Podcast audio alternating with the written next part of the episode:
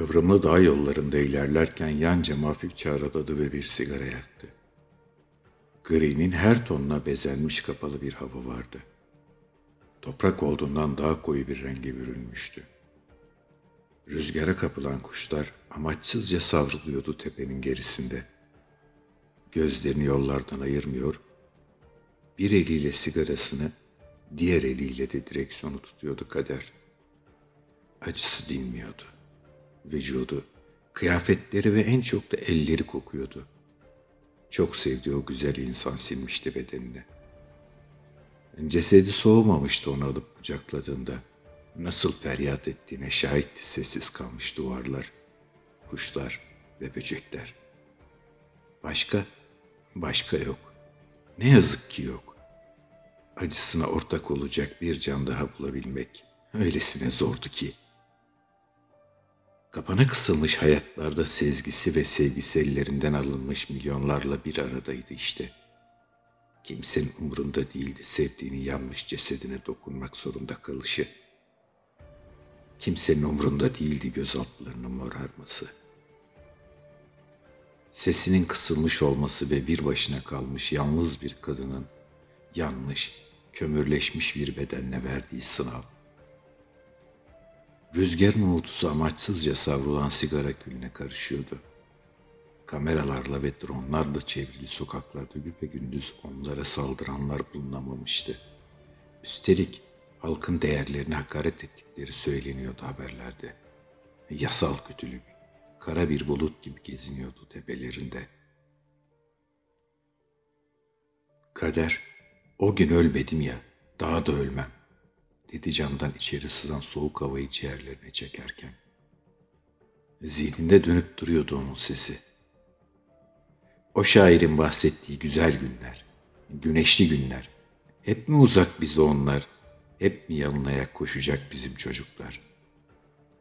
Elinin tersiyle yanaklarından akan gözyaşlarını sildi. Yolu görmek gittikçe zorlaşıyordu.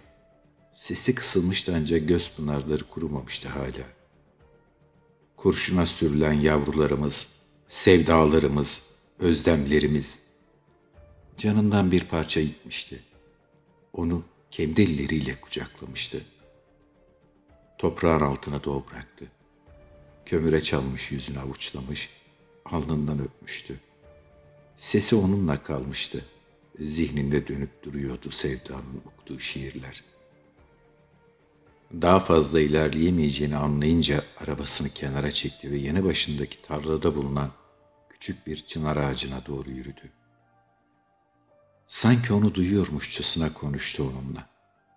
Haber verdi gidişini kurumuş yaprakları. Ağacın dalları birer birer esneyip saygıyla eğildiler. En azından kader öyle sanmıştı. Şehirden, lağım kokusundan, tiksinç kalabalıktan ve onun sahibinden çok uzaktaydı artık.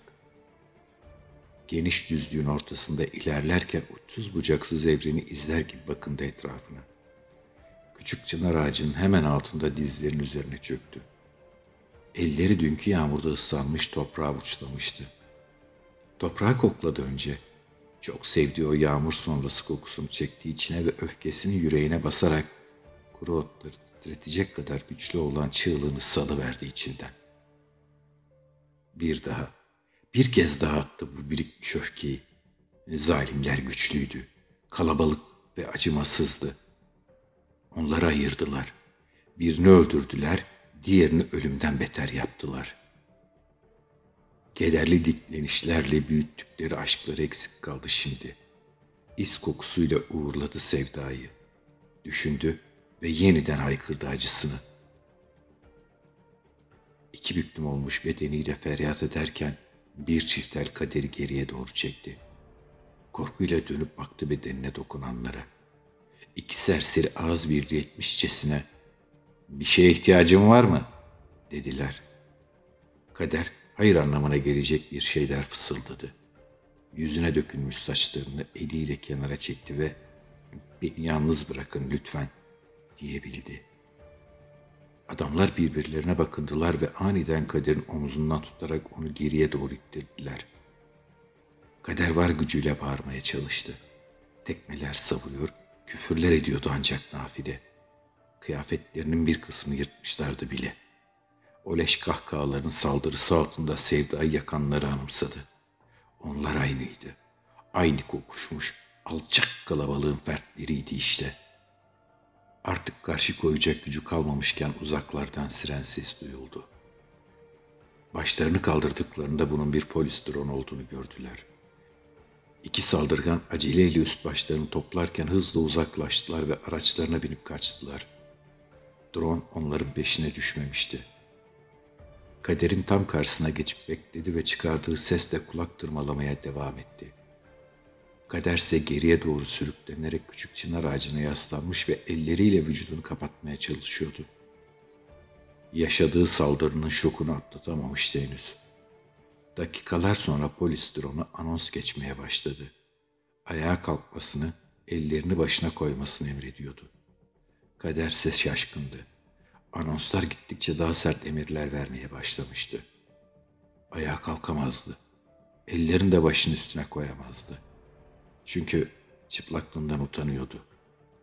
Yaşadığı saldırıdan, parçalanmış kıyafetlerinden habersiz değillerdi drone'un arkasındaki kimseler.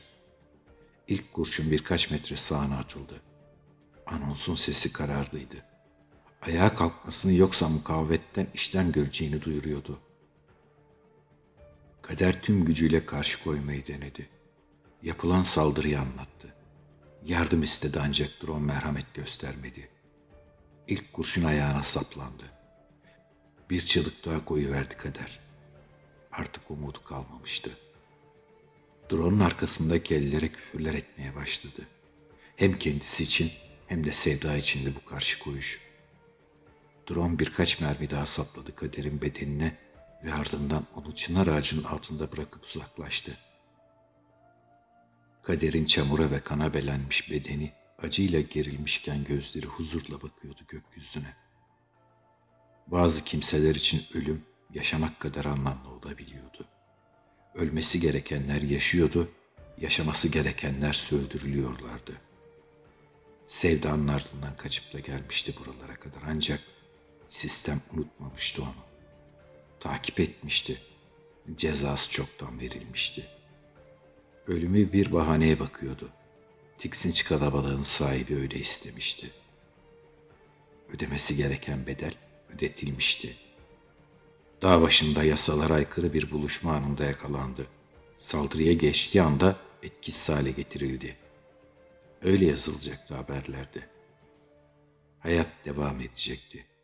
Kameralar ve dronlar ahlaksız kimseler arayacaktı biçimsiz kalabalıklar içinde.''